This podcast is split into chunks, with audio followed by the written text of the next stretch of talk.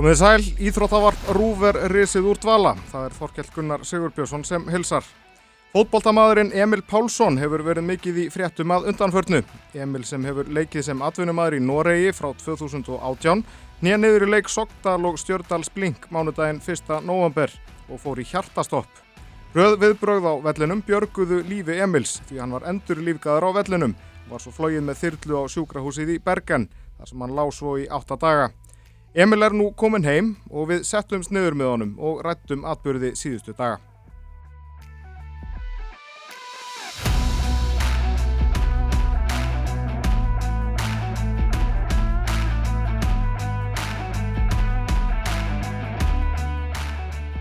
Emil, takk fyrir að taka á mót okkur. Hvernig líður þér í dag? Um, eins og staðin akkurat núna, þá líður mér bara mjög vel sko. Ég hef búin að, þetta er búin að vera lengu vika, erfið vika, en með hverjum deginu sem líður akkurat núna þá, þá er ég, veist, er ég með meiri orku á hverjum degi og, ég er búin að vera, veist, strax sem maður sleppur út af sjúkurásinu þá náttúrulega er mikil stígandi á stuttum tíma og þá líður mann eins og maður sé, veist, manneskja aftur, ekki, ekki fastur við, að, fastur við rúm og fastur við alls konar, alls konar snúrur og, tæki eins og ég var í langan tíma, sko. Þannig að akkurat þessu staðinu núna þá er ég góður, sko. Hvernig, þú veist, hvað mannstu bara frá þessum degi? Mánudeginum í síðustu Sko, frá deginum sjálfum þá mann ég allt skýrt bara fram að kannski svona fimm minnum áður en að ég fyrir hjartastafið. Þannig að allir dagurum var bara, úst, maður bara með rútinu á, á leikdag og hún var bara eins og hún var og svo mæti við leikinn, uppbytun, finn ég ekkert, ekkert öðruvísi heldur en vanlega. Og svo byrja leikurinn og eftir sjö mínútur þá skorum við og ég man eftir, man eftir því mómenti og man þegar við erum að fagna, við förum úst, hlaupum út í hotnið á einum hotnið á vellinum og erum að fagna þar og svo man ég að við hlaupum tilbaka og svo byrja leikurinn aftur og þá fyrir við í pressu og svo man ég ekki meira. Þá einhvern veginn, úst, það er svona, það er síðasta mómenti sem ég man, úst, þegar við hlaupum upp vellin í pressu svona, úst, það er svona rútinera eftir að skora marka, þá fyrir við aftur beint upp í pressu til að reyna svona að halda mómentumi gangandi eftir mark. En, en svo líða alveg fimm mínútur held ég eftir það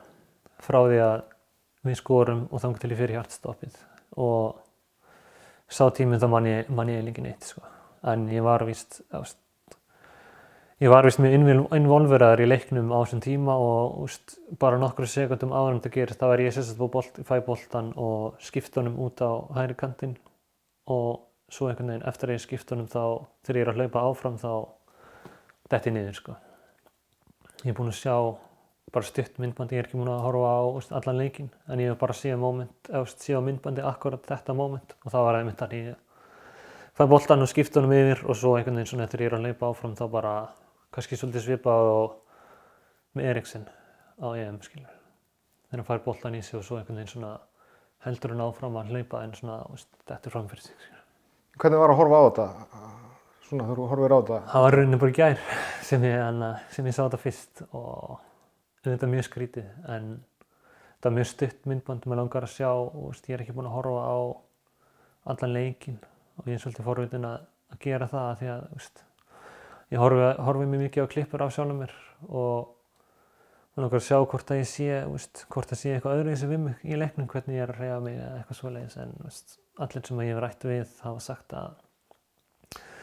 hafa sagt að ég leit ekkert öðruvísi út í leiknum akkurat fram að þessu mómenti heldur en í einhverjum öðrum leikim sko. þannig að sem er náttúrulega mjög sérstætt það er rauninni ekkert ekkert í aðdraðandur sem gefur til kynna að þetta gæti verið að fara að gerast fyrir bara akkurat þegar ég dætt niður sko. Og hvar mannst þú svo eftir en næst? Bara að vakna á spítalunum 24 tíma setna Hvernig það er rauninni það er rauninni að síðasta sem að eða það er rauninni næsta skrefið skilur þá vakna ég og ég kom til Bergen sem er úst, fjóra tíma að keisla eða eitthvað í burtu. En ég náttúrulega kyrði ekki þangað mér flóið þangað í þyrli en fyrstu mínutuna voru þetta mjög surrealískar skilur því að þá þú nærður rauninni ekki að meðtaka alveg hvað það er sem er að gerast og, og það koma náttúrulega læknarinn strax og strax og ég vakna og styrir svona útskýra fyrir mig stöðuna og ég einhvern veginn átta mig samt ekki alveg á því hvað hafi gæst og enda síðan að fá síma minn kannski einhvernum korti 20 mínútur setna og þá kannski þá sem að það svona synkar aðeins meira inn hvað hafi gæst þegar ég sé bara að ég fyrir henni bara beint inn á inn á fólknet og sé þá fréttina þar í rauð kannski fjóra-fimm fréttir í rauð þar sem er svona verið að útskýra og það er svona ein fyrirsök sem sýtur í mér þar sem er verið að tala um að ég hef verið endurlíkaður á vellinum og það er kannski þá sem að það svona kikkar inn í fyrsta skipti skilur. Hvernig er að lesa svoleiðis um sig? Það er ekki sérstatt skal ég segja þér. Það var mikið sjokk og ég var mjög heppinn að fjölskylda mín flög út bara í rauninni kefti flugið tveim tíma eftir leik eða eftir þess að þetta gerist og þau eru komin, þau lenda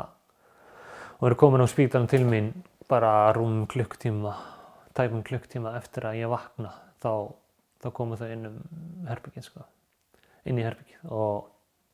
og það náttúrulega hjálpaði, hjálpaði mér þvílikt að, að ég væri ekki einn að vakna og þurfa að takast á þessar, þessar aðstæðir sko. Gott að vera með gott bakland. Já, bara frábært bakland og, og þau hafa náttúrulega gefið mér rosalega mikið styrk á síðustu, síðustu tíu dögum. Hvernig þú talar um að, fá, að fengi símaðinn, hvernig var bara skilabóðaflóðið og, og bara... þetta var náttúrulega, þetta var náttúrulega einum sólaring setna sko. Þannig að þetta er, það liðin svolítið langur tími, þannig að síminn var náttúrulega bara sprungin skilur frá, frá alls konar, fólk, alls konar fólki sem var að senda mér skilabóð sem að ég náttúrulega ég þurfti að taka bara nokkra daga í að fara yfir það og það var náttúrulega mjög sérstakt, sérstakt að, að gera það sko og sjá hvað var mikið fólki sem að sem að var ekki sama um hvað það gæst og ákvaða takk sér tíma í að, að hafa samband við mig og, og senda mér stuðning og það er þetta hjálpa manni, hjálpa manni þvílíkt að þegar þú liggur í veist, þegar þú liggur í rúminu að þú veist fari gegnum svona skilabóð þá gefur það þér, veist, það gefur þér auka kraft. Og það gerir það alveg klárlega þarna þessi tímfili Þú hlýttir að vera þreyttur á þessum tíma, þú hlýttir að taka bara pásur og, og bara Já, svona aðeins þetta að leggja síma frá sig. Þetta er rauninni, maður þurft að taka þetta bara í í smá svona sessjóni sko, maður er líka þú veist, maður vill reyna að svara fólki sem er að gefa sér tíma í að, í að hafa samband við mann en þú veist, þetta var engin, engin tímaram á því, maður gerði bara það sem að maður maður hafði orku í og og en þetta er bara frábært að hafa fengið alla þenni stuðning og, og sjá hvað var mikið af fólki sem að sem að var að hugsa til mín sko. En hvað var gert á spítalan? Sko það er rauninni bara standard svona standard rannsóknir sem að fara fram eftir hjartastopp og þá er náttúrulega þetta bara gert allt sem að hægt er að gera til að að koma að staði hver orsökin er af því að þetta er náttúrulega alls ekki eðlilegt og, og þegar þú ert með ungan ungan íþróttamann sem er kannski á í rauninni toppnum á ferlinu sínum þá erum við að tala um úst, líkamlega og bara í hilsu þá er náttúrulega mjög mjög aðeinsvert að skoða af hverju, af hverju svona gerist, af hverju af hverju ferði hjartastopp bara út af engu skilur, þannig að eða upp úr engu, þannig að það er náttúrulega að fara fram bara alls konar rannsóknir og hjartatest sem að sem að ég er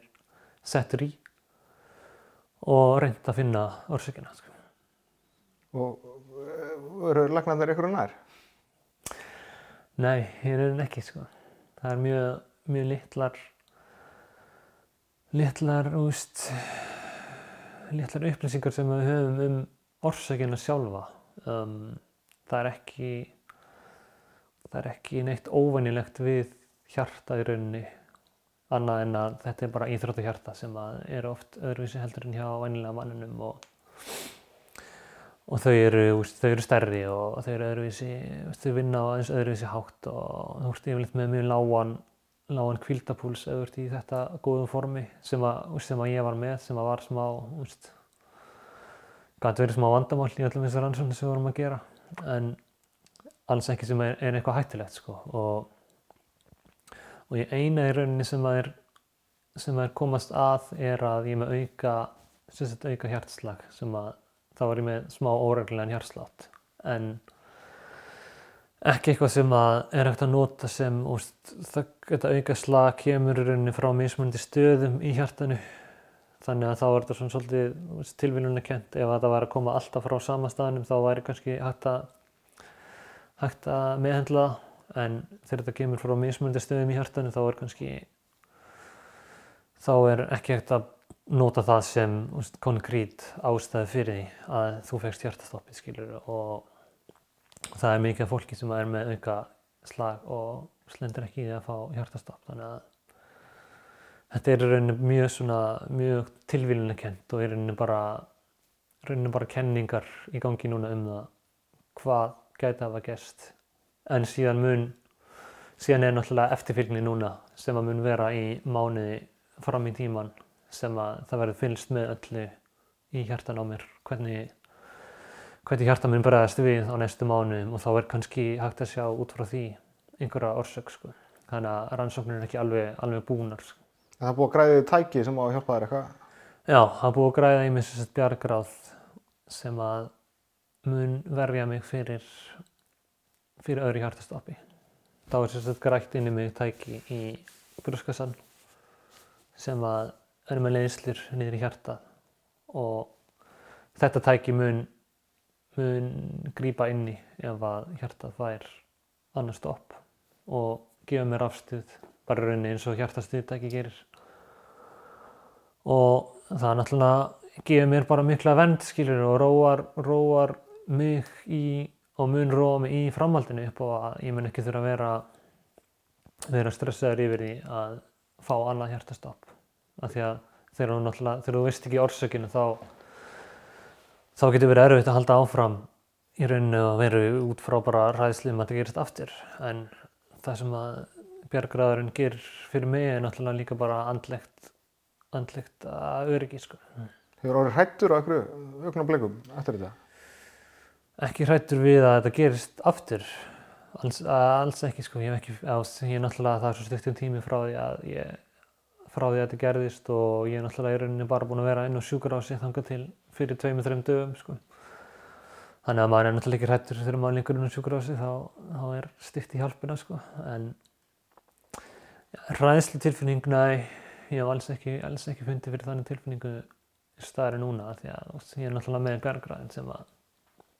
sem að passar upp á mig sko. Þú talaði um Kristján Eriksson aðan, hún var náttúrulega horta hann að leiki í sumar, Tanmur Kvinnland. Tengjuru eitthvað meira við þennan leik eða þetta atvökk núna eftir? Já, já sjálfsögðu sko, þetta er raunni, þetta er raunni keim líkt sko, upp á það er ekki, ja, ekki ekki sem búin að kynna mér alveg nýri þaula en ég held að sé ekki mikið af upplýsingum um orsökina af, að þetta gerist hjá honum. Og hann er búin að fá bjargráð eins og ég fekk, þannig að Ég man eftir því að ég náttúrulega horfði á leikin eins og flestir, flestir gerði og ég man eftir tilfinningunni sem maður fekk þegar maður horfði á leikin. Þetta var svona, manni var í rauninu svolítið óglatt skiljur að horfa á þetta og þetta er svo, en samt er þetta svo langt frá manni. Þetta er ekki einhver sem maður þekkir en þú veist, þetta er, þú veist, þú horfir á þetta í byrni og þú sér þegar það verið að, verið að byrja að pumpa hann og, og allt þetta skiljur þannig að Ég man bara aðalega eftir einu sem ég hugsaði að veist, ef þetta gerist fyrir, fyrir hann þá ætti þetta rauninni geta gerst fyrir hvern sem er. Af því að þú veist, þegar þú ert með veist, leikmann sem að spilar á hæsta leveli í þetta langan tíma þá fara þeir gegnum öll helstu hjarta og hjarta og alls konar rannsóknir sem að leikmenn þurfa að fara gegnum til að skoða hvort að það sé ekki allt í lagi og það er unni það er unni sínir hvað er erfitt að erfitt að eiga við þetta. Af því að það er svo það er unni ómögulegt að spá fyrir um að þetta getur gerst. Sérstaklega þegar þetta gerist svona ég er búin að vera í ég er búin að fara í hjarta að testa okkur einsta ári síðustu fjögur ár. Og það verður aldrei aldrei gefið upp neina uppsingar um að það væri eitthvað óreglulegt eða neitt svo leið sko. Kristján Eriksson, hann hefur eh, bara ekkert verið inn innu sviðsljósi eftir þetta, allavega ekki verið í fjölmjöla viðtölum. Fannst þér bara alveg sjálfsagt mála að gefa að þér strax? Já, í rauninni fyrir mér var það ekki vandamál að þetta tók ég mér minn tíma til að, til að hérna, aðeins svona átta mig sjálfur á aðstæðinum og, og ég hafði náttúrulega ekki áhuga á að tala um fjölmjöla á fyrstu, fyrstu dögunum eins og kannski er eðinlegt en Varstu þið látin í frið alveg eða voru ykkurir ágengir? Nei, ég er rauninni ekki ágengir sko. Ég finnst einhvern veginn eins og fjölmjölumenn hafa verið mjög svona sínt mikla virðingu í öllu sem að viðkymur þessu atviki. Engin, engin pressa eða eða engin svona áreiti kakvart í að ég þurfa að koma og, og, tala en eins og staðinu núna þá er ég bara á þannig stað að mér finnst ekki, ekki vandamál að tala um þetta, mér finnst ekki erfitt að ræða þetta og, og ég held að fólk sé kannski svolítið forvinni um hvað veist, hafi gæst og hafi kannski áhuga að heyra frá mér þannig að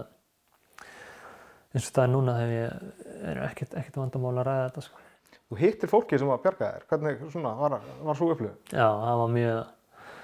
mjög sérstöku upplifun, það var núna bara fyrir tveimdöfum.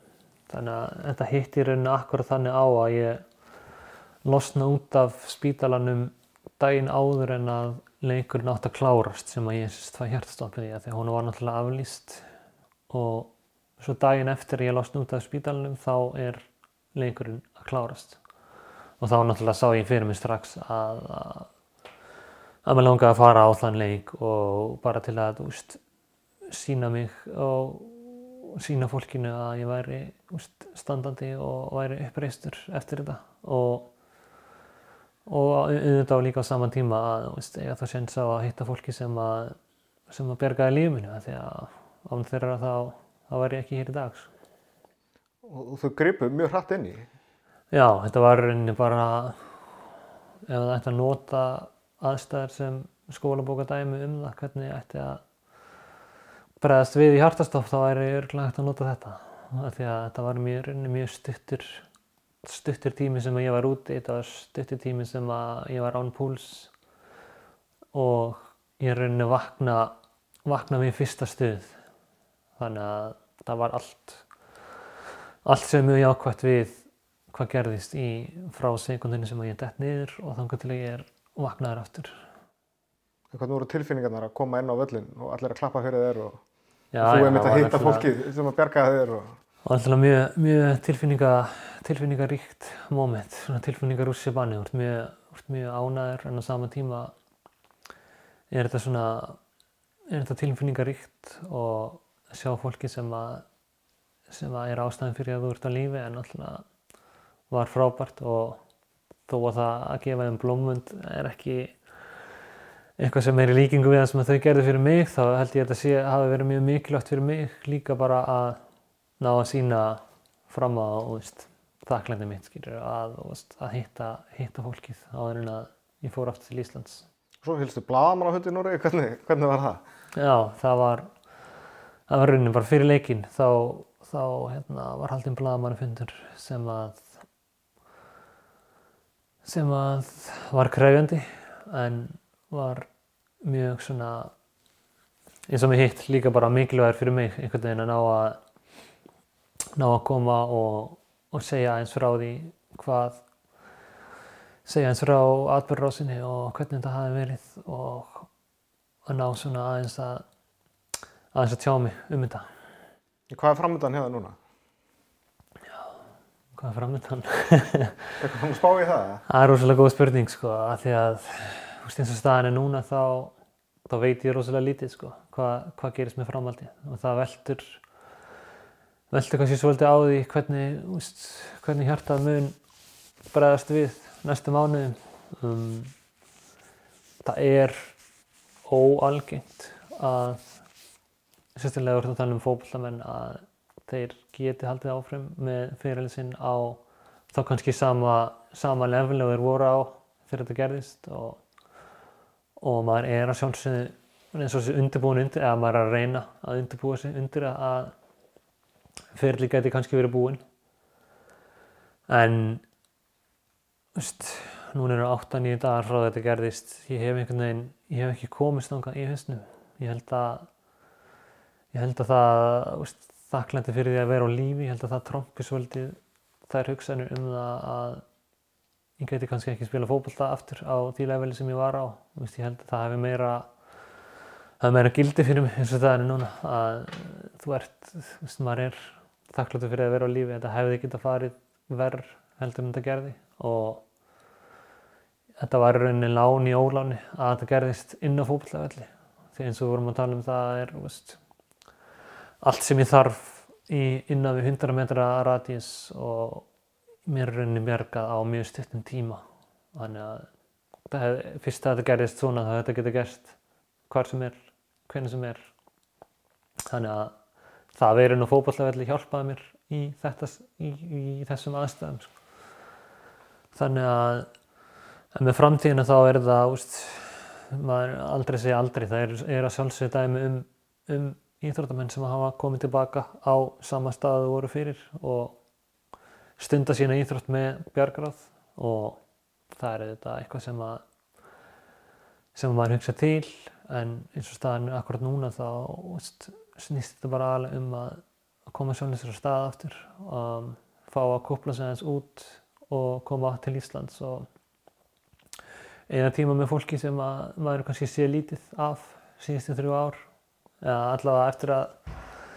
eftir að COVID-bylgjan byrjaði þá náttúrulega hefur mingar rosalega mikið allferðalög og maður hefur fengið lítið að sjá af, af fjölskyldi sinni og, og vinnum og ættingum þannig að núna er kannski svona svolítið tími til að ná að njóta þess bara að veist, vera á lífi, hitta fólk sem maður er ekki hitt mikið undanfarið. Og, og svo byrjar bara byrja bara endurhæfing sem að mun síðan sína aðeins setna mér hvað hva fram, hva framvaldi byrja skaut sér sko. en ég er raunni raunni heppin að ég er búin að læra svolítið og ég er með, ég er með gráði í sálfræði frá háskólum í Reykjavík sem að ég tók áður en ég fór út. Kláraði sérst akkurat síðast ári áður en að áður en ég fór út í andrum mennskuna og það hefur bara verið í rauninni og haft það til hlýðar en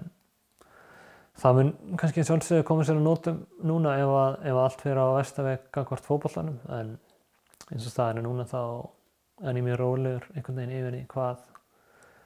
hvað mun gerast, gerast í framhaldina því að mér líður einhvern veginn akkurat núna eins og það sé ekki mínum höndum sko. það sé einhvern veginn bara í það fer bara eftir, fer bara eftir hvernig, úst, hvað rannsóknir sína á næstu mánuðum og, og svo mun ég fá lefi frá leknum hvað ég megi gera og, og svo er náttúrulega þetta spurningin um það er maður tilbúin í það er maður tilbúin í að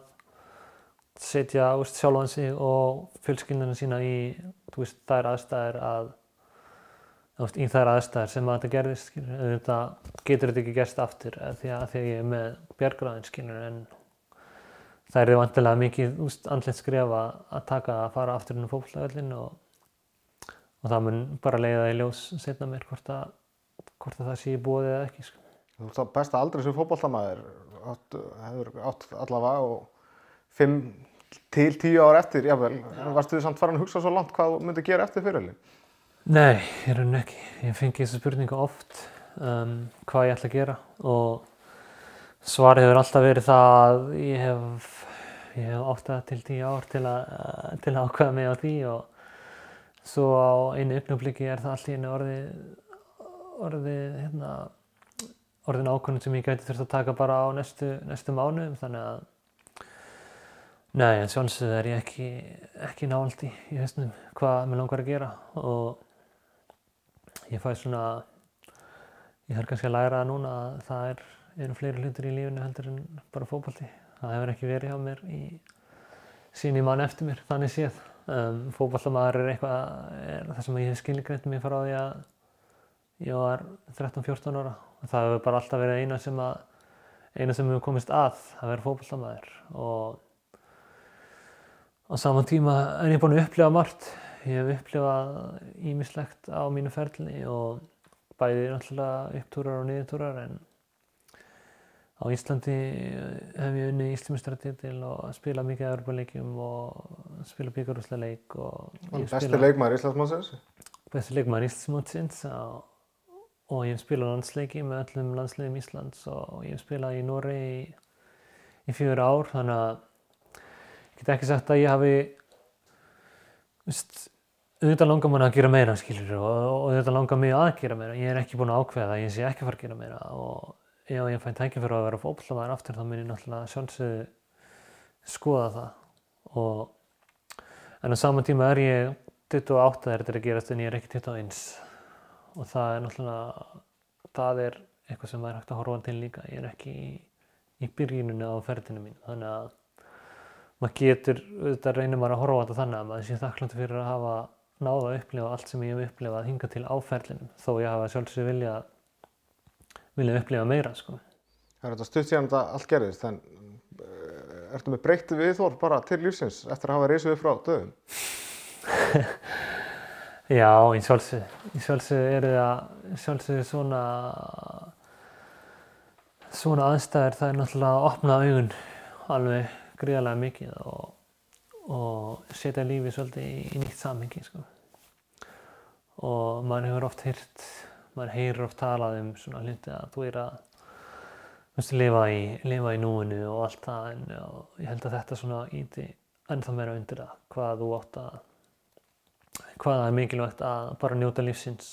þegar maður getur og og nýta tíman eins vel og maður getur því að það hefur sínt sig að lífið er í rauninni mjög óútreiknarlegt og maður veit aldrei hvað hvað getur gæst eða hvenar þannig að þetta hefur klárlega opnað augun gangvart í hvernig maður mun lífa lífinu fram á við hérna sko. Þú ert allavega komin í, í, núna, í, í faðum fjölskyldunar allavega næstu daga. Já, já, þetta bara að fara næstu vikur í það að, að aðeins svona endur stilla sig og, og svo verður halda bara rannsóknir áfram og